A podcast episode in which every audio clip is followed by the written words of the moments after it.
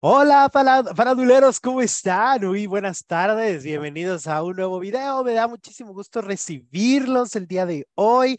Estamos completamente en vivo, como siempre, con muchísimas ganas, cerrando semana. Es viernesito, estamos bien contentos. Y bueno, el día de hoy tampoco me encuentro en el estudio. El día de hoy estoy desde Chihuahua, Chihuahua, transmitiendo completamente en vivo y a la distancia. Saludo a Jesús Ibarra, producer. ¿Cómo estás? Hola Alex, buenas tardes. ¿Cómo estás? En la capital del estado, en la mera capirucha. ¿Cómo te han tratado? ¿Cómo los has tratado? Cuéntanos todo. Oye, pues súper bien, estoy bien contento porque vine a pasármela genial, vine de fin de semana con amigos, este, vine al concierto de Edith Márquez que ahorita les cuento y vine también, voy a ver a OV7, este, y bueno, pues estoy contento, ayer empezó la feria, entonces ahí como está, eh, la ciudad está llena de fiesta, digámoslo así. Es ambiente festivo, ya fuiste a la, a la barbacoa de Parral, hijo, esa barbacoa, qué rica está. No he ido, llegué ayer muy tarde, entonces ya comí en un centro comercial y luego pues ahorita me levanté a hacer el guion y para estar listo para el programa, entonces pues no, no me he movido mucho del lugar en donde estoy, este, ¿cómo se dice? Eh, hospedándome. Ah, ok, bueno, pues arranquemos pues porque el tiempo apremia. Oye, ¿y cómo estás? ¿Cómo está todo allá en Juárez? Pues todo bien, aquí cuidando a Tomasito, que anda más, eh, no sé, como lo dejé de ver unos días, anda bien chipil, anda bien chiple, como se dice aquí en Chihuahua, y no me suelta. Voy al baño y va atrás de mí, voy a la cocina, va atrás de mí. Ay, ese niño es tremendo, es tremendo. Oye, estamos en vivo, cerrando semana increíble. Eh, te cuento, arrancamos con la información y te cuento que anoche, pues me fui a la inauguración de la feria que hay en Chihuahua. Eh, eh, había dos presentaciones muy importantes, una era en el Teatro del Pueblo y otra era en el Palenque. Yo fui al Palenque, pero bueno, sí me enteré que en el Teatro del Pueblo a la que le fue súper bien fue a Belinda. Belinda se presentó anoche, este, la verdad es que sí tuvo mucha convocatoria, a pesar de que se veía como que quería llover y creo que en algún momento sí como que cayó poquita lluviecita, este, y bueno, ya estaba al aire libre, pero estuvo súper bien, o sea, tuvo una muy buena respuesta de parte del público, a pesar de que ella no estaba anunciada con anterioridad, la anunciada era Dana Paola, ¿no? Y quien finalmente la sustituye es Belinda, y le fue súper bien. Eh, eso es por una parte. Y por otra parte, pues en el palenque, pues me voy a ver a Edith Márquez. Debo de decir que el palenque a mí me parece que está en muy malas condiciones ahorita. Eh, me sorprendió que ni siquiera limpiaron los asientos. O sea, haz de cuenta como los asientos parecían que estaban sucios del año pasado. Así de feo. ¿Tú te imaginas?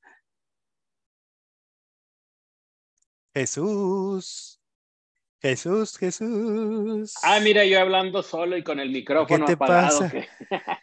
No, pues. No, bueno, me decía a mí mismo y a Tomás, que es el único que me está escuchando, que los asientos, los, eh, eh, las que te acomodan, pues va incluida en la propina que te limpien el asiento, que te lleven hasta tu lugar y entonces es como para que dices, ah, mira, sí le trabajo, ahí te van tus 50 pesitos. Sí, pero fíjate que esta vez, aunque lo quisieron limpiar, no había manera, o sea, se veía que sí tenían que hacer una limpia bien fuerte. Y luego, por ejemplo, a la hora que nosotros llegamos, este, ya habían estado todos los galleros, casi se acababa, faltaban dos peleas de gallos, eh, creo que son siete o nueve eh, por noche, este, y entonces haz de cuenta que toda la zona, o sea, nosotros pagamos un boleto, este, pues de los más cercanos, y, estaba lleno de, de cervezas, o sea, de, de latas que ya no ya estaban vacías y ah, no, eso sí no.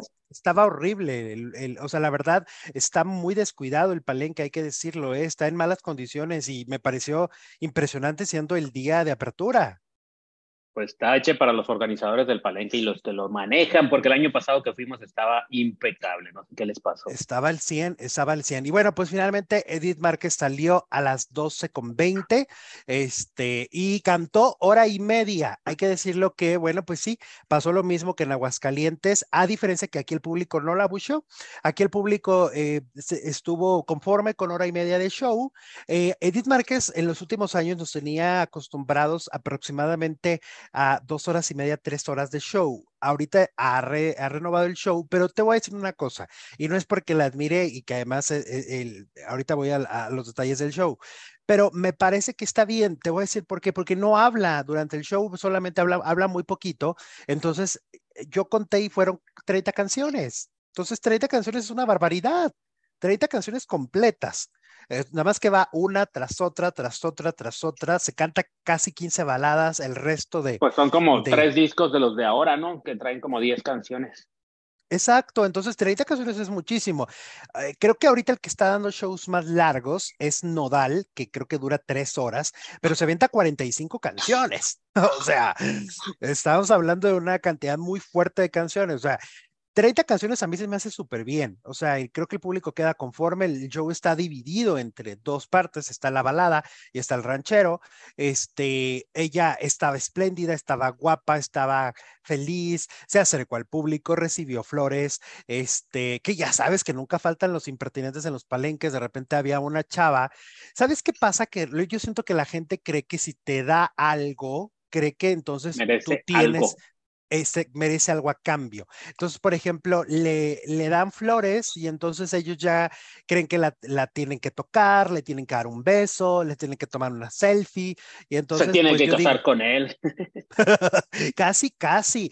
O sea, de cuenta, le da las flores y, y, pues era la última canción. Entonces él tenía que terminar de cantar Mírame porque estaba como en el puente musical. Entonces le da las flores, Edith las agarra y, y, y, no se las quiere soltar, o sea, no se las quiere dar porque quería selfie, entonces no le soltaba las flores, pero bueno, Edith ya acostumbrada al ambiente de Palenque, le agarra las flores y le dice, a ver, matanga, dijo la changa. Y se las aventó de regreso. que yo digo, de verdad, siendo honesto, o sea, la gente le da flores y es un detalle lindo, pero ella no se las puede llevar, entonces realmente... Se quedan ahí, ¿no? Van a dar a la basura. No, pues yo creo que se la quedan los empleados del hotel porque son un montón de flores. a lo mejor tienen hasta convenio con una funeraria el hotel. No, ahí te van, ¿cuánto me das por todas estas? Pues es que de en serio no se las pueden llevar. No, no se las pueden llevar, no las pueden subir al avión. Eh, eh, pero bueno, la gente luego les da muchas cosas, este, y bueno, sobre todo flores. Y bueno, ella estaba de verdad muy bien, eh, cantó espectacular, se ve feliz. Allá andaba el novio, porque el novio es el stage manager.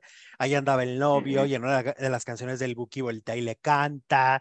Este, no, fue un showzazo. Para los que quieran ver parte del show, está en mi Instagram.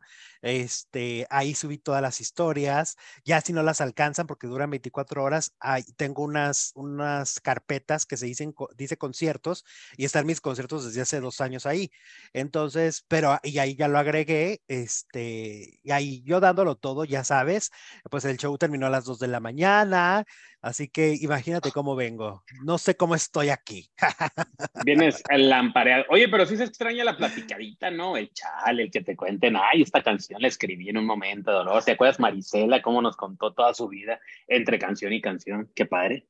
Sí, pues, pues fíjate que la verdad siento que también es cada gira tendría que ser distinta, ¿no? Entonces, como que siento que en esta gira ella quiere hacerlo así, quitó bailarines, por ejemplo. Esta gira no Pero todo lo está haciendo por, problemas de salud, ¿no? Más bien. Yo pienso que a lo mejor sí le recomendaron, oye, mira, pues vas a aventarte una gira larguísima porque es una gira, pues ya anunció como 40 fechas, o sea, es una gira larga, larga.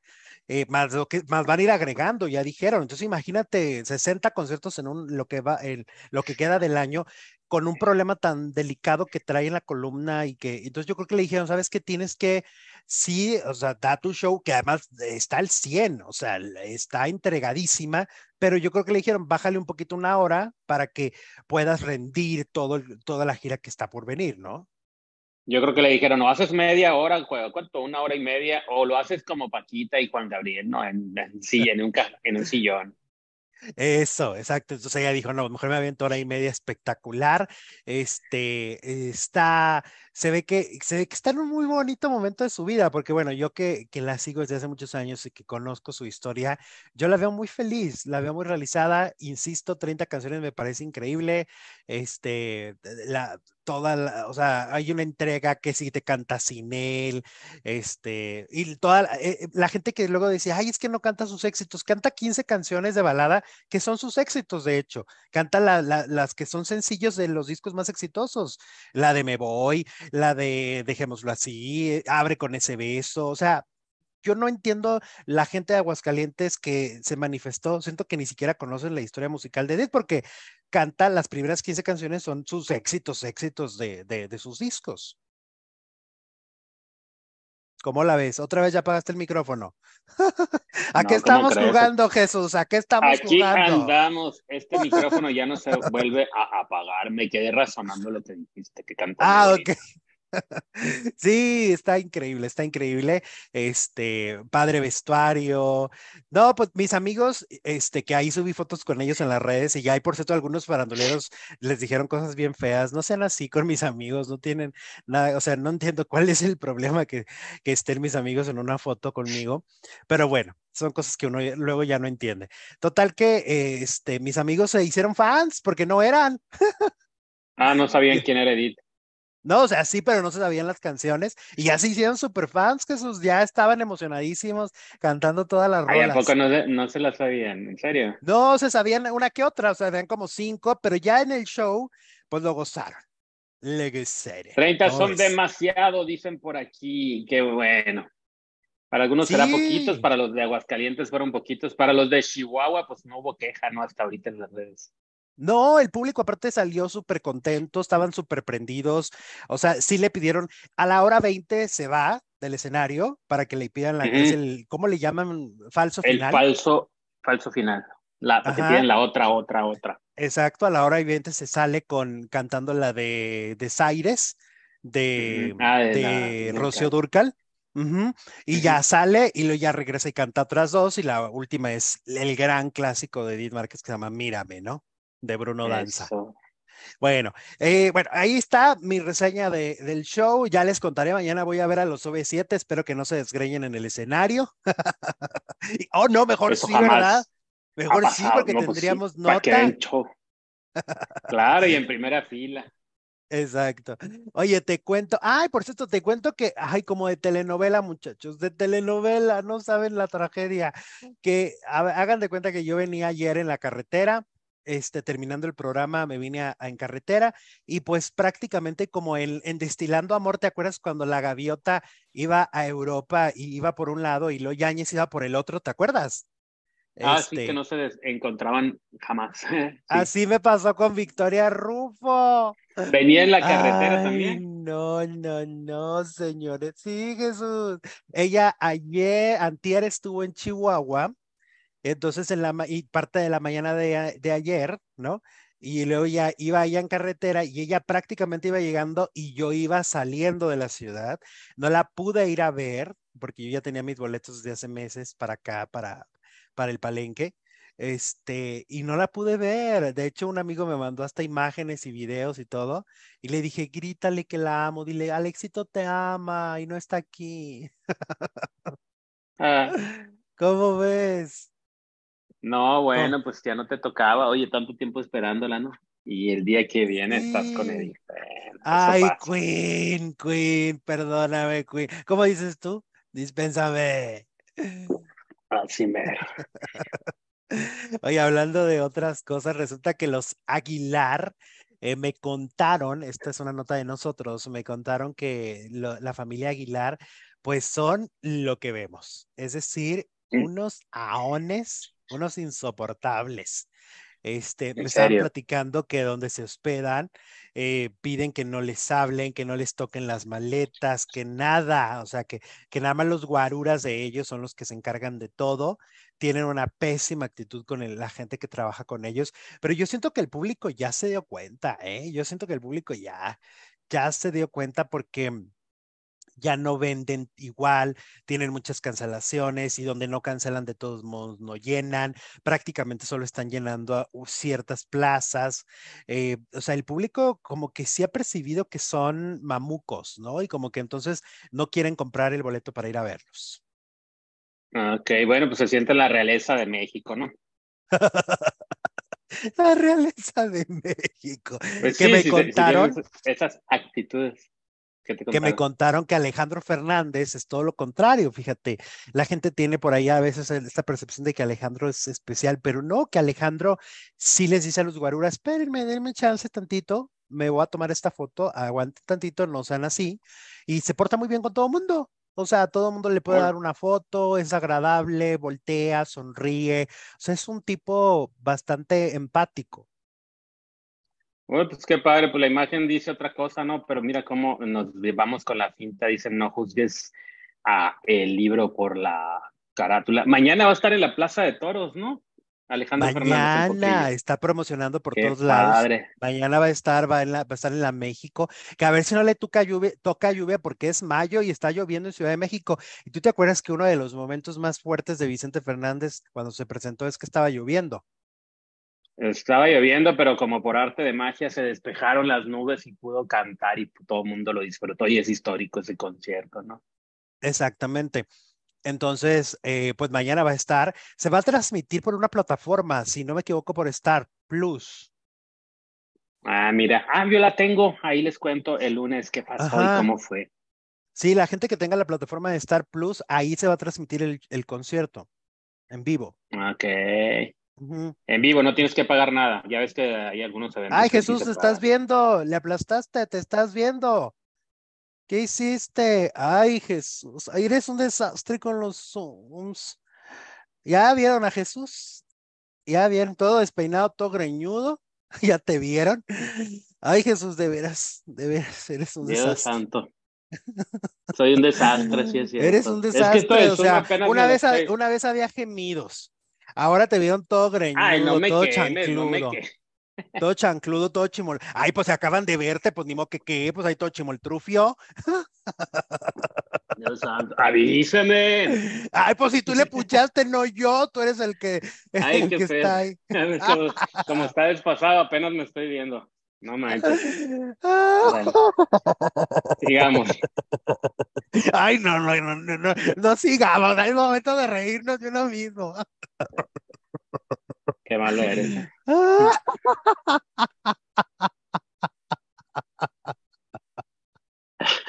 y luego lo peor fue, es que este momento es épico. A ver, que, ya la gente lo va a grabar este momento, ya van a hacer sus memes, hagan sus memes, hagan lo que quieran con este momento.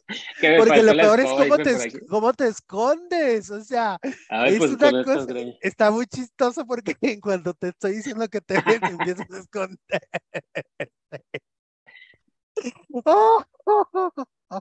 Ay, Ay, no, por estos momentos apago internet. bueno, ya vamos. Ay, Jesús, perdóname, no puedo dejar Estás bien. no puedo. Ay, Dios mío, qué vida. Ay, no. Ah, Ay, bueno, ya. Vamos con Eric Rubin. Este, resulta que, que Eric Rubin estuvo. ¿Estás bien? ¿Necesitas algo? No, no estoy, no estoy bien, no estoy bien. Eric Rubin, ¿por qué yo? A ver, Eric Rubin estuvo con Jordi, ¿no? Y entonces vivió su momento Marte. Ay, no, mejor sigue tu momento. Bueno, nos están mandando, nos están mandando super chat aquí. Los desmayos del Philip. Y saludos al greñudo y faldilludo del producer. Ok, muchas gracias. Eh, eh, eh, los desmayos, mientras este señor se recupera, seguimos leyendo, ya te vimos, ya te vimos, muchas gracias. bueno, sean, no sean crueles conmigo, es lo que hay, ni modo. Eres el producer, eres el pues producer pues, pues sí, pues Ok. Que se repita, dicen por aquí, bueno. Ah, ah, ah, ah. Alex, saludos a doña Marce, saludamos a doña Marce, gracias Pati, saludos. Hola. Eh, ¿Qué onda? Ya, ahí estuvo. sigamos. Seriedad. con Eric Rubin. Catarina Cat dice, eh, nos manda cinco dolarotes. Hola, Alex y Jesús, qué gusto ver al producer. Andamos igual de peinados. Todos desde Jalisco. Gracias, Catarina.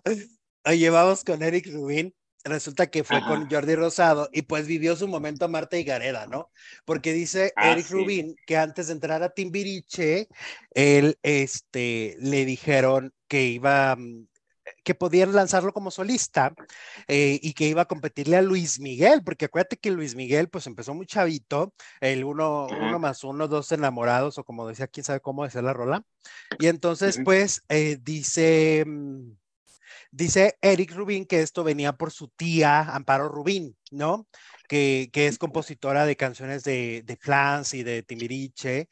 Y entonces ella quería armar un concepto para competirle a Luis Miguel, pero con canciones un poco más infantiles, no tan, porque Luis Miguel cuando ya, cuando empezó, pues ya cantaba canciones muy de adulto, de más de enamorado, ¿no? Más de, de, desamor, no tan, tan infantiles, y a él lo querían poner como en un rollo más infantil, pero entonces cuando ya, ya había grabado algo, pues de repente va por los pasillos de Televisa, se topa a la que llaman la gorda Galindo, y resulta que se la topa y le dice, oye, fíjate que estoy buscando un integrante para Timbiriche porque estos niños necesitan un escarmiento, porque aparte a Benny lo mandaron quién sabe a dónde, y bueno, era un desastre. queremos a alguien, ¿no? Necesitamos a alguien. Y entonces se dan cuenta que Eric Rubin es la opción y contratan a Eric Rubin para Timbiriche y ya entonces no fue Luis Miguel II. Ok. Pues sí, pues ya Timbiriche era lo más fresa del mundo y sí cantaban canciones infantiles en el momento en que Luis Miguel estaba cantando Decídete y somos dos, dos enamorados, pues sí, ¿no? Sí, Luis Miguel siempre, pues eh, yo creo que este, su papá siempre lo, lo puso muy adulto, ¿no? Desde el principio. Sí, y es lo que nos decían ahorita en la, en la, en la ¿cómo se llama? En la encuesta, que pues cómo iba a ser buen padre si no tuvo un buen ejemplo, ¿no? Del papá de Luisito. De Luisito es cierto. Tienes razón. ¿Cuál es la encuesta? La encuesta dice que si crees que Luis Miguel es un mal padre, el 90% dice que sí, sí es un mal padre. Y el 10% dice que no. Pero también Eric, Rubín, ya a su momento Marta y Gareda, ya es que ayer antier hablábamos de cuál es tu momento Marta y Gareda, pues Eric Rubín ahí tiene el suyo 50-50, ¿no? Como los de Marta, 50-50, le creemos la mitad. Porque pues, si era como sí era como similar a Luis Miguel, ¿no? un poco más joven, güerito. pero güerito y así, canciones, canciones como, pues la edad también más o menos. Pues además tiene lógica, pues su tía era compositora, entonces pues de alguna manera sí tiene lógica. Exacto. Pero también pues se me hace, también se me hace raro, lo que se me hace raro es que si ya le tenían un concepto y lo tenían eh, como proyecto importante para hacer la competencia de Luis Miguel, iba a ser un solista. Entonces, ¿por qué lanzarlo en un grupo donde pues, tenía eh, menos posibilidades de sobresalir con tanto chamaco ahí? Pero pues Timbiriche era en ese momento el grupo de moda. O sea, dice él que cuando le dijeron, oye, este, es Timbiriche, pues él dijo, pero, pero, ¿cómo va, no? Pues porque ya no tenía que hacer la talacha, puede ser, ¿no? Ya no tenía que empezar de cero, quizás. Claro. Claro, claro. Bueno, pues y luego, este, por cierto, ayer que comentábamos, bueno, hemos estado comentando cosas de Ricardo Farril, ¿no? Pues ahorita la gente está, los seguidores están un poco sacados de onda porque volvieron a borrar todo lo que había publicado, eh, dejó de hacer en vivos, y el último en vivo, pues él se veía muy violento, eh, de hecho se estaba casi agarrando a golpes con alguien de la clínica, ¿te acuerdas de la clínica que mencionábamos? La clínica de rehabilitación, entonces se le ve ahí un poco en, malas condiciones, se ve que sí le dan unos empujones y después de eso está totalmente desconectado de las redes sociales, entonces otra vez la pregunta es, pues, ¿qué pasó? Ahora, yo lo que creo que vimos es alguien que no duerme, que consume muchas sustancias, eh, eh, eh, no descansa, eh, ya, estaba casi afónico las últimas veces, está muy, muy enojado nuevamente con la vida y con su entorno, ¿no? Este, está protegido por guardias de seguridad, pero no por su familia. híjole, está, estamos hablando de un caso bien complicado, no sabemos en qué vaya, pero yo sí creo que en México nunca habíamos tenido a una persona, bueno, Carmen Campuzano tuvo sus crisis también, pero yo creo que es la primera persona que, vemos todo, todo lo que puede vivir un adicto, ¿no? Toda la paranoia, todo el descontrol emocional, todo lo que, todo lo que implica estar bajo los efectos de una sustancia. Exacto, qué triste, qué triste, porque pues es un tipo muy talentoso y pues en lugar de estar trabajando y disfrutando de su trabajo y de, de la vida como todo mundo, pues lo tiene que estar eh, solucionando eh, pues, adicciones, lo cual no se le dice a nadie. Oye, y luego Miguel Bosé, que también pues tuvo muchas adicciones, ¿no? Pues cada quien en la parándula no ha tenido adicciones. Miguel Bosé tuvo adicciones, esa me pasó anoche. Miguel Bosé, ¿no te acuerdas que habló de que se metía hasta la, todo la, hasta la maicena? Se vio en la serie, lo que pasa es que yo la serie la dejé de ver como en el tercer capítulo. No, y luego también lo dijo en una entrevista en España, habló de, de todo, todo, ah, todo, tuvo muchísimos excesos, muchos. Bueno, pues resulta que Miguel Bosé acaba de ganarle una demanda. ¿Y tú te acuerdas que que el ex, el ex, eh, de, el ex marido de, de, Miguel lo demandó para que se hiciera responsable de los hijos que suponía que eran de ambos, pero que al final de cuentas Miguel Bosé le dijo, ay, no, no, no, tú atiéndelos, yo no quise tener hijos, realmente los hijos son, pues en la serie lo plantean que es por, por, por la pareja, no tanto por deseo de él, y entonces lo, lo demandan a Miguel y pues le dicen, mm, mm, pues está bien, Miguel, este, tú no eres el papá de estos chamacos. Ok. Y quería que le reconociera a los dos plebes, a los dos que faltaban, ¿no? Como que son dos de uno y dos del otro, aunque son por, ¿cómo se dice? por encargo. Ajá, pues se suponía que los dos habían tomado la decisión. Según yo, en la serie se ve que, que, los dos tomaron la decisión, pero pues ahora resulta que no, que resulta que solamente este, van a ser de, de su expareja. Ah, ok. Pues cada chango a su mecate, cada uno con sus chamacos. Pues sí. Y ayer Miguel Bosé cantó hermoso en un reality de España, nos dice Juliana, y que ya está cantando, ¿no? Y ya está hablando, como que ya se solucionó el problema que tenía. Sí, ya recuperó la voz, ya la recuperó. Que Qué todo, padre, que todo se debía a un problema en una muela, qué curioso. Oh, órale. A una, Mira. y no le hallaban. Y no, le hallaban hasta que le Exacto. Es que ya ves que dicen que las muelas eh, del juicio, por ejemplo, sirven para nada, nomás para estorbar, nomás para jorobarte la vida. Exacto. Pero, según los dentistas no tiene ninguna función. Ajá. Las muelas del juicio, que, hay que malo que use, que use Herbal Essence, ya me están diciendo hasta marcas de shampoo, oigan, No, pues es que tú no sabías que ibas a aparecer, fue error de dedo. Es más, Voy a aparecer otra vez. Eh, ay, mira, ahí está. Eh. Dedos. Ah, como el compañito, como el compañito. Ahí está, ahí está. tengo, de compañero, tengo de compañero al compañito. Eso sí fue totalmente voluntario. Éale, éale. Oye, hoy como me estaba riendo de Ninel Conde, que, que ella es la clásica tía que se quiere poner a la moda con las frases, ¿no? Y entonces está en una rueda de prensa y le preguntan que si el Botox, que si la cara, y entonces empieza a decir, no, no, no, pues yo no, no, no, infórmense bien, infórmense bien, y la que quiere puede, y, queso. Así dijo. ¿Y ¿Quién fue? ¿Ninel? Ninel. Ah, ok. ¿Y queso? O sea, la tía que no sabe ni qué frase. y queso. Ok. ¿Y qué eso dijo? Pues. ¿Y qué eso? Que se asustaron conmigo. Oh, que ahora me corte las uñas. bueno, bueno. Que te cortes las uñas. que me corte las uñas.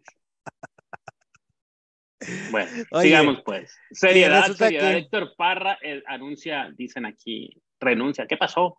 Héctor, Héctor Parra aplaza nuevamente a la audiencia por supuestos problemas de salud del actor, después de que la audiencia en la que se le dictaría sentencia por presunto eh, eh, corrupción de menores fuera pospuesta para el ayer, ¿no? Eh, y luego que fue como de sacado un poco de la manga, ¿no? De que si sí, de que si no, que si ah, bueno, tras permanecer más de una hora en el reclusorio, la abogada del actor dio la cara ante los medios de comunicación y reveló que nuevamente fue pospuesta la audiencia y se llevará a cabo el próximo 25 de mayo. Esto debido presuntamente a que el actor se reportó indispuesto por problemas de salud, pues momentos antes una persona del juzgado reveló que el famoso tuvo fiebre y dolores estomacales que le impedían salir a ser juzgado, prácticamente diarrea. Ok. Ahora, es creíble porque dicen que, que, en el estómago, en el intestino está el, eh, tu segundo cerebro, ¿no? Y entonces tienen que ver mucho las emociones y, y evidentemente... Oye, pues es que era un día, era un día clave, era un día clave en su vida. Obviamente tenía que, que tener alguna reacción, en este caso, pues en el estómago, ¿no? Sí, o sea, te puede doler el estómago, se les puede subir o bajar la presión arterial, o sea, ocurren muchas cosas en el, en el organismo, porque no es fácil la situación que está viviendo, ¿no? Sea culpable o inocente o, lo que sea, no es, no es sencillo, no, no es fácil para ningún ser humano manejar la situación en la que está. Entonces, eh, yo creo que no es un pretexto, me parece que es absolutamente normal el haber sufrido un, un problema estomacal, ¿no? Pues sí, bueno. Qué fuerte. Infección en la panza o ansiedad, dicen por aquí. Sí, claro. El otro día hablaba con un amigo que, que está yendo con el psiquiatra y parece que lleva años con ansiedad que se manifestaban a través de, las diarrea, de una diarrea crónica. O sea, él llevaba años con diarreas crónicas y, tenía, y tiene que ver con la salud mental, tiene que ver con la ansiedad. Ajá.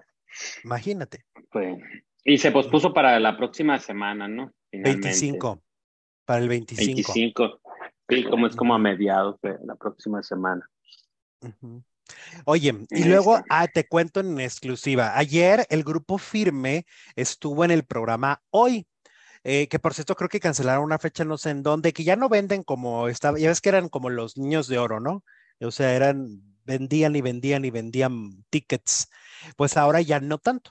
Eh, que cancelaron por ahí alguna fecha, pero lo que a mí llama la atención, pues es que tengo en mi poder eh, imágenes de, de, del grupo firme dentro de Televisa. Este, dentro de Televisa, y pues tú sabes que entrar a Televisa, o sea, vaya, no, no es libre acceso. Si tú entras a Televisa es porque fuiste autorizado o, o eres empleado o, o vas a visitar a alguien y te autoriza, o sea, no es como que, ah, ya ha entrado gente así nada más porque si no pasa así. Entonces, haz de cuenta que llegaron y cuando gente dentro de la empresa, trabajadores, etcétera, quisieron acercarse a los integrantes de firme, pues resulta que ni siquiera abrían la, ventana. Y no crees que eran cientos de personas, ¿eh? tampoco. Pero, eh, pues, en las imágenes que, que tengo, pues resulta que no, no bajaban el vidrio, fueron groseros, este, negaron selfies a, creo que a los asistentes, por ejemplo, de Galilea, o sea, se portaron muy mal, muy mal. Se ve que la fama, pues no a todo mundo le va bien, no a todo mundo le queda, no a todo mundo le embona, no todo mundo es inteligente, no todo mundo sabe manejarla, y pues se portaron muy, muy mamilas. Uh Jesús? Jesús. Allá se fue otra vez. ¿Qué estás haciendo? Digo que se quedaron cortos los eh, Aguilar, ¿no? Ajá, no, no, no, de verdad, porque... Sí, porque estos iban a Televisa y como te digo, o sea, la gente que estaba ahí, pues son trabajadores de Televisa o son visitantes autorizados y además, ¿qué les cuesta bajar el vidrio, sonreír, portarse, portarse como, como gente educada, ¿no? Pero, pues insisto, no todo el mundo merece fama. Pues si no lo eres, pues no te vas, a comportar como un patán, como han salido estos personajes, ¿no?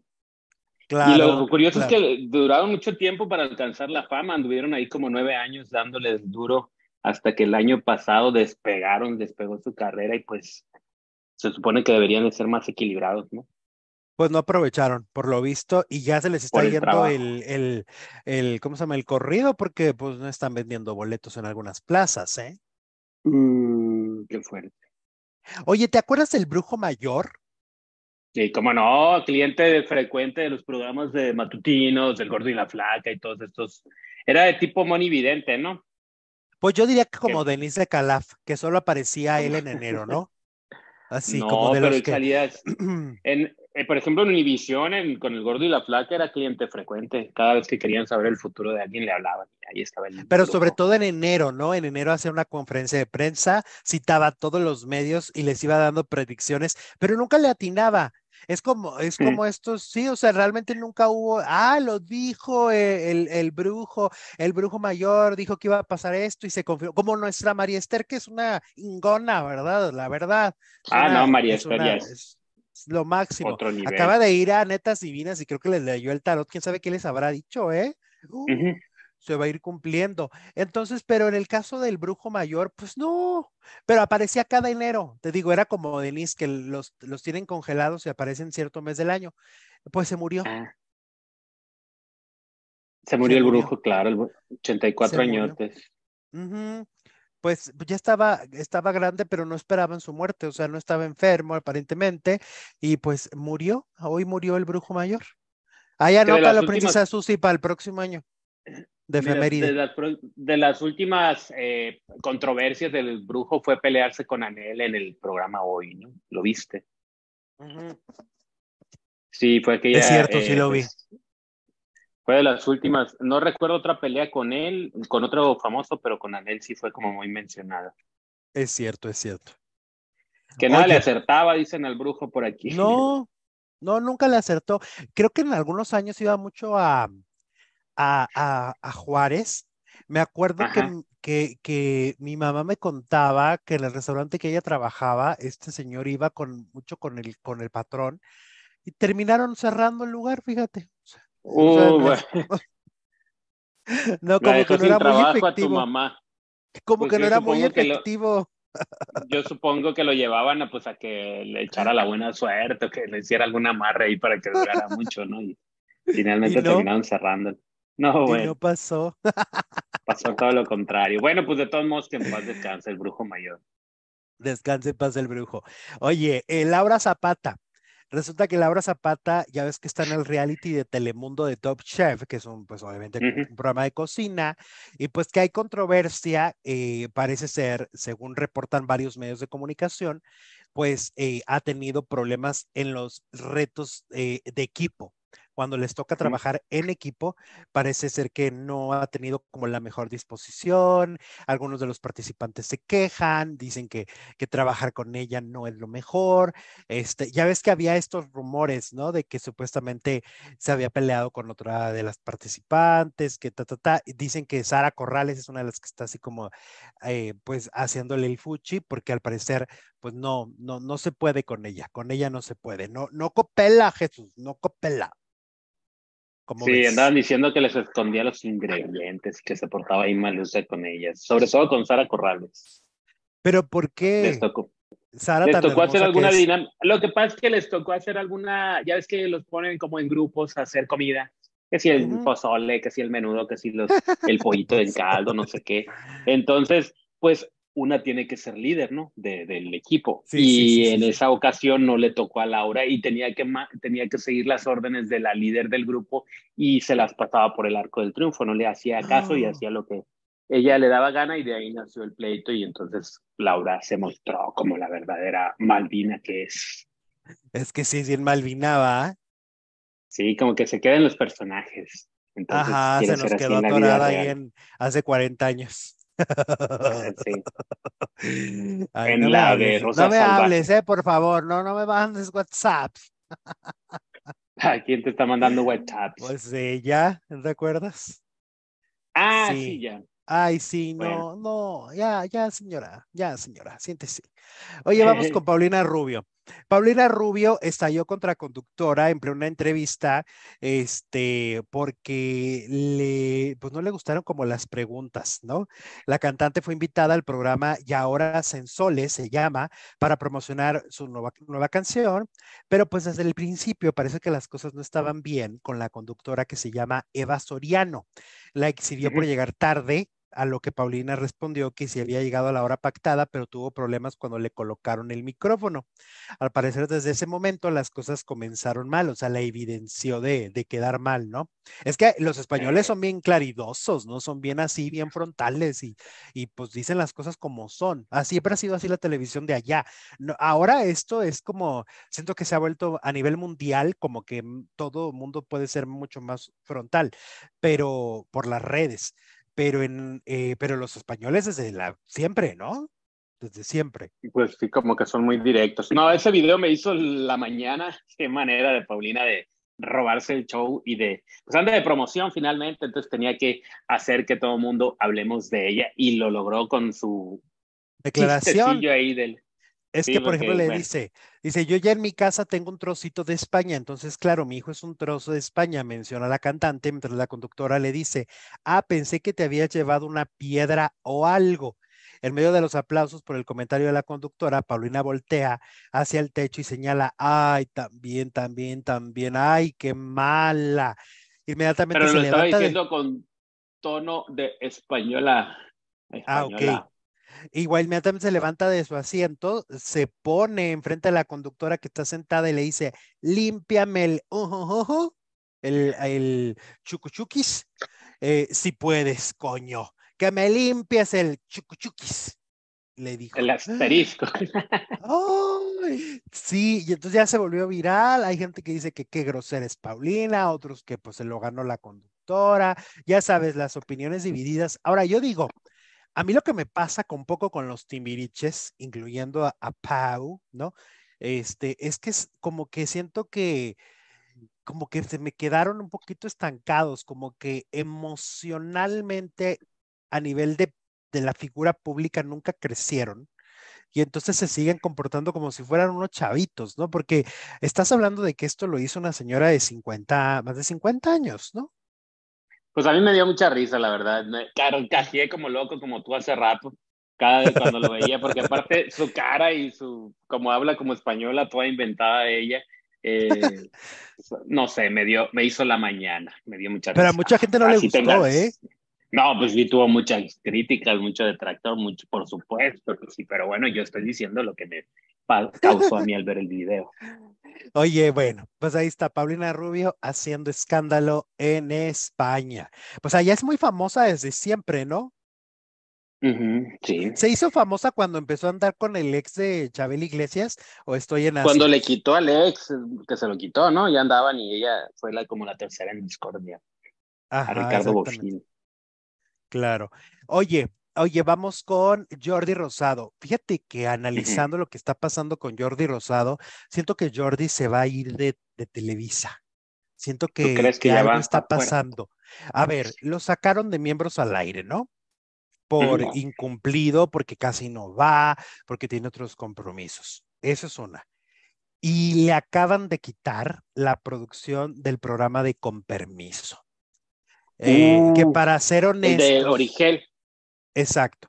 Para ser honestos, la producción de este programa era más de Manolo, el socio de Jordi, que de Jordi. O sea, Jordi, siento que es el clásico mexicano que siempre está diciendo que sí a todo y que entonces llega un momento en el que queda mal. Yo tengo amigos así, que de repente te dicen, sí, sí, sí voy, y sí hago esto, y sí le entro, y sí hago aquel proyecto, y llega un día en el que eso ya te rebasa, ya no hay manera de cumplir. Yo siento que a Jordi le está pasando, porque esa producción yo siempre veía que el que estaba en, el, en, en la locación era Manolo. Entonces era una producción de Manolo. Pues total que a Manolo y a Jordi les acaban de quitar la producción, grabaron el último programa el día de ayer, el hoy que se transmite con permiso, es el último programa bajo esa producción, fueron 250 programas. Em, y este, el productor que va a ocupar la posición es Alexis Núñez. Entonces, Jordi en menos de un mes acaba de perder miembros al aire y acaba de perder con permiso. Le queda uno, le queda un programa que es el que conduce. Eh, lo que me llamó también a mí mucho la atención y que lo habíamos dicho aquí es esa visita al foro de Ventaneando a una entrevista con Pati Chapoy que durante años nunca quiso ir. Entonces, quiere decir que algo está pasando en la carrera de Jordi y siento que sí se está Y luego el año pasado hizo algo con Telemundo, ¿te acuerdas? Ah, sí, claro. La casa de pues los yo creo famosos. que eso de que haya ido a TV Azteca nos debería de decir algo, ¿no? Como que anda coqueteando ahí. Se dijo que fue a pagarle el favor a la Chapoy de haber estado con él, pero mm, muy sospechoso. Pero se lo pudo pagar en su casa, ¿no? Sobre, exacto, sobre todo en estos momentos en que le están quite y quite programas. Sí, o sea, en este momento Jordi se acaba de quedar sin la conducción de miembros al aire por decisión de Televisa y también decisión de Televisa. Acaban de sustituirlo junto con su socio. Ahora es Alexis Núñez, el productor de Con Permiso a partir de la próxima semana. Que mira, aquí hay una cosa, vuelve la, la, la dupla Origel Alexis Núñez. Ellos fueron dupla durante muchos años, si no me equivoco, nueve, en la oreja. En la oreja. Pues a ver qué, cambios trae ese, ese programa. Mm. Siempre los cambios son para mejorar. Oye, que yo no sabía, hablando de Alexis Núñez, yo no sabía que Alexis está divorciado de Verónica Bastos. Yo pensé que seguían casados. Yo me había quedado con eso. Ok. Oh, yo ni sabía que estaban casados. no, fíjate, sí, este, pues ah, que ya no. Mm. Mm. ¿Qué tal? ¿Qué tal? ¿Qué tal? Oye, de lo que hablemos... se uno hablemos de el como dice, como dice Luis Miguel. Primero que nada, ya ves que hubo golpes, hubo agarrones, ya se sabe que los, los que se agarraron a golpes en la taquilla de, para los boletos de Luis Miguel eran revendedores. Sí, los que se meten a la fila y salvajemente, hasta una señora ya me la andaban tumbando ahí, viste todo lo que armaron, hasta la Guardia Nacional llegó. Había una señora había una señora que, que ella, o sea, le aventaban y todo, y ella no se movía. Así te, ella dijo, a mí nadie me tumba el evento, yo estoy comprando mis boletos de Mickey, no importa que estos se maten aquí enseguida. Oye, pero qué abusones, pues hagan su fila. Oye, de por sí que ser revendedor es un abuso. Sí, a mí me da mucho coraje cuando se meten a la fila. Llegan a la taquilla y los demás le deberían decir, oiga, no le venda esto porque se metieron a la fila. Y deberían decir, ah, bueno, pues no le voy a vender nada, pero como que hay ahí algo entre ellos también, ¿no? Es lo que dicen. Pues ya ves lo que dijo Susana Zabaleta. Susana Zabaleta dice que en los boletos los compró un millonario para revenderlos y uno que otro para regalarlo, ¿no? Bueno, pero los ah, chichinclillos que andaban ahí no creo que sean enviados por el millonario. El millonario se los hicieron llegar seguramente. Ajá, exacto. Eh, que justo ayer platicaba con un amigo y me decía que qué cambio viene esto. Esto viene realmente a marcar un cambio para Ticketmaster. A raíz de lo de Bad Bunny, que fue una crisis muy grande para Ticketmaster México por, por esa venta de boletos que fueron algunos clonados, ¿no? Y que hubo todo un... Es que fue horrible lo que le pasó a muchísima gente que iba al concierto, ¿no? Imagínate pagar todo el avión, el hospedaje y llegar y, que tu, y que tu boleto no sea válido cuando debería de ser válido. Entonces, a partir de eso es que Luis Miguel decide irse con Signia Life, que es una compañía de la familia de Ricardo Salinas, ¿no? De Ricardo Salinas Pliego. Entonces, ellos deciden eh, que a través de, de superboletos y a través de esa compañía van a vender y no a través de Ticketmaster. De hecho, Luis Miguel solo vendió en Ticketmaster para algunas fechas de Estados Unidos. Em, y entonces me decía, aquí viene un cambio bien fuerte porque de, llevaba este monopolio de Ticketmaster muchos años, ¿no? Eh, dominando lo que son los conciertos de la Ciudad de México y, y dominando hasta recintos. Por ejemplo, eh, Auditorio Nacional solo era por Ticketmaster y ahorita ya no. Ahorita ya está Etiquet, está Super Boletos y hay varios boleteras más para vender al Auditorio Nacional. O sea, se, está acabando el gran negocio que, que, era Ticketmaster y ya estamos hablando de que el monopolio se está derribando y que una figura eh, tan relevante en México como Luis Miguel haya decidido vender sus boletos por otro lado, está diciendo mucho, ¿no? Pues es que también cuántos millones no se les fueron a Ticketmaster, ¿no? Ayer decías que ya va a haber boletos virtuales, pues sí, se tienen, le tienen que entrar a la modernidad, porque eso de ir a comprarlos, digo, de ir a imprimirlos a Liverpool es otro, es otro tipo de negocio. 10 pesos por cada boleto. Imagínate cuántos miles de boletos no venden para un concierto, a 10 pesos cada uno. Y luego lo que me decía, por ejemplo, que superboletos, insignia, este, pues ellos, por ejemplo, hicieron recintos, ellos ya hicieron la Arena Monterrey, hicieron la Arena Ciudad de México, van a hacer Arena Guadalajara, o sea, ellos están haciendo recintos y Ticketmaster nunca ha, este, ha hecho nada. O sea, Ticketmaster con todo ese dineral que, que, acabas de decir que se han embolsado, pues nunca hicieron un auditorio, un estadio, una arena, simplemente se han estado beneficiando nada más. O sea, es yo vendo, lo, porque eso es lo que tendrían que hacer las boleteras, porque al final del día, pues ellos están organizando los conciertos, las obras de teatro y tendrían que haber hecho alguna, algún recinto y no lo han hecho. Entonces, pues yo creo que viene una crisis fuerte para Ticketmaster en México. Va a ser complicado porque siento que ya muchos famosos van a decir, yo me voy con, con, esta, con esta empresa, ¿no? O crean su propia boletera, como lo hizo Alan Estrada con la obra de teatro que produjo él mismo. Pues sí, exactamente, que le, que le funcionó muy bien la estrategia, ¿no? Yo creo que es uno de los que ha puesto el ejemplo que no necesitan a Ticketmaster porque la obra de, de Alan vende, se llena y nadie se queja. Exacto. O sea, como bueno, una empresa tan pequeña. ¿no? Como una empresa Ajá. tan pequeña hace que la gente no se queje. Exacto, pues una empresa casi, casi familiar porque son puros amigos. Uh -huh. Y crearon Entonces, su propia bueno. boletera para vender sus boletos. Oye, pues en Venga la Alegría despotricaron contra Luis Miguel. Ricardo Casares dijo que lleva 20 años sin tener un éxito. Ahí se me hace un poquito, poquillo exagerado, ¿no? Porque sí ha tenido discos exitosos de ranchero. O sea, yo creo que Luis Miguel, vaya, es que no sé qué llame él un éxito, pero tampoco es que no es un artista del recuerdo. Es un artista que ha seguido trabajando, ¿no? Este, y bueno, ya con boletos comprados, Patricio Borghetti defendió que incluso se la pasaría bien si solo fuera a ver a Luis Miguel pelearse con su ingeniero de audio. Pero Anet Kuburu puso otra postura en la mesa. La conductora dijo que es fanática del cantante y seguramente asistirá a su concierto, pero resaltó que México es un país con un público sin memoria.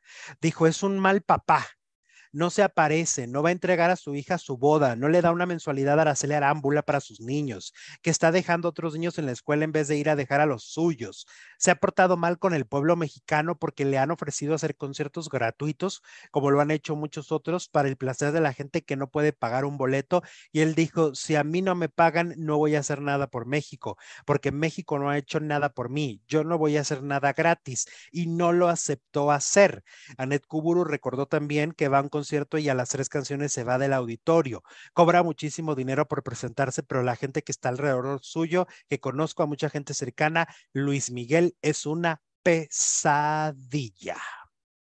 Vámonos. Volvemos al eterno conflicto de qué tanto nos importa la vida privada de los famosos o su talento en el escenario, como pasaba con Michael Jackson, que bueno, ahí sí estaba más fuerte.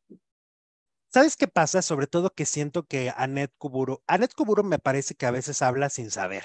Este, y, y, y creo que en este caso hay cosas que no se saben, o sea, no puedes asegurar que Luis Miguel no se ha hecho responsable de nada de sus hijos.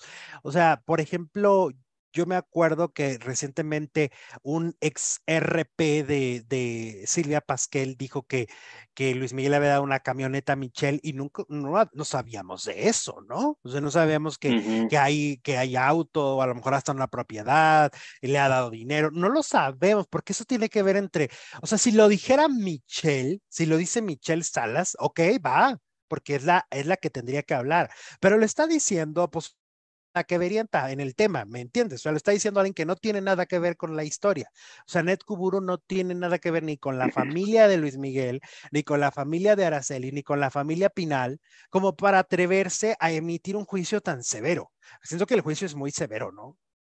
Lo que no sabía era lo de que no canta gratis. Pero pues ninguno canta gratis, aunque sean eventos Nadie. Uh, grat gratuitos para la gente al artista le pagan, aunque Rosalía diga que no le pagaron nada, ¿te imaginas que va a venir gratis? Pues no creo. Yo no le creí. No, claro que no. Yo a Rosalía no le creí cuando dijo, yo voy gratis. yo creo que esa es la condición que le, que, le, que le pone el gobierno, ¿no? Vas a decir que no te pagamos y que todo lo hiciste por tu buen corazón. Exacto, pero no, no es cierto. Los famosos nunca cantan gratis. O sea, yo no recuerdo esas... para las fundaciones, ¿eh? Sí, yo no recuerdo esas eh, declaraciones de Luis Miguel ni que hayan salido, no, no me pasaron de noche si es que existieron. No, no existen. O sea, públicamente no existen. Ella se está basando como en algo que le dijeron, ¿no? Porque ella dice, la gente, cercana, la gente cercana a Luis Miguel me dice que es una pesadilla y dice esto. Ajá, exacto. Entonces, no, pues yo creo que, pues, mm, no sé, no sé, no estoy tan de acuerdo con las cosas que, que está diciendo Anet Kuburu. Me parece que o sea, yo digo, a ver, Anet, tú irías gratis, o sea, tú has ido gratis a los eventos a conducir. Si yo ahorita te hablo y te digo, vénate a conducir en un evento por México, ¿no? Gratis, ¿lo vas a hacer? Yo digo que me va a mandar con una patada en el asterisco, ¿no? Me va a decir, no, Alexito, estás tonto, es mi trabajo y vale, ¿no? Y yo creo que y hablando de... el trabajo de Luis Miguel vale muchísimo. Y hablando de Luis Miguel, de Luis Miguel, ¿crees que es un mal padre? La encuesta sigue igualita, 90% dice que sí, 10% dice que no, 2.500 votos. Finalizamos la encuesta.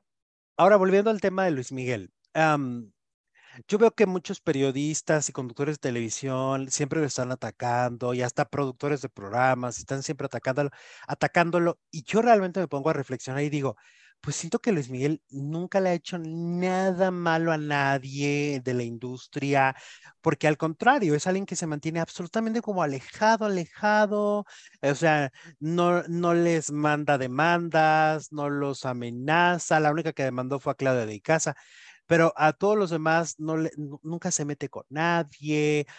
No entiendo por qué tenerle odio, ¿no? Cuando siento que hay figuras que pueden ser mucho más violentas con la prensa mexicana. y, siento que Luis Miguel no es violento, no es agresivo, no es nocivo, simplemente es alguien que no quiere tener trato y, también se vale, y lo hemos dicho aquí, también se valen, se valen los nos. O sea, Luis Miguel no provoca zafarranchos, porque ni siquiera da esa oportunidad. Yo lo acabo de ver recientemente en unas imágenes donde iba entrando a un restaurante y, el, y el, el, fotógrafo, reportero le está eh, tratando de sacar información y con una sonrisa le dice buenas noches, buenas noches y buenas noches y adiós. O sea, entonces, si es alguien que no ha hecho daño a la industria y no le hace daño a nadie, a ningún conductor de televisión ni ningún productor, pues no entiendo por qué tan agresivos, ¿no? Pues sí. ¿Quién sabe qué traerá Anet, Anet Ahora que si no le invierte, que si no tiene éxitos, que si esto, pues el público decide por quién paga un boleto y por quién no, así de fácil. Pues es como lo que decíamos de Marisela, que tiene el mismo show de los ochentas, noventas. A mí me encantó el show, yo nunca había ido un show de Marisela y me encantó. Sí, igual si, y, si fuera uno de, de Luis Miguel, pues sería la primera vez para mí en un show, entonces todo sería nuevo. Y tu dinero lo gastas en lo que te dé la gana, ¿estás de acuerdo? Exacto. Entonces ustedes como nuestro público pueden gastar su dinero, pueden ver a quien quieran, pueden aplaudirle que les dé la gana. Así es. Oye, ya nos vamos a la segunda transmisión, nos vamos al, canal Alejandro Zúñiga Telenovelas, que continúa, hay algo ahí que tiene que ver con, con Araceli, etcétera, con Araceli Arámbula, y nos vamos y regresamos, ¿no? Vámonos. Regresamos, regresamos.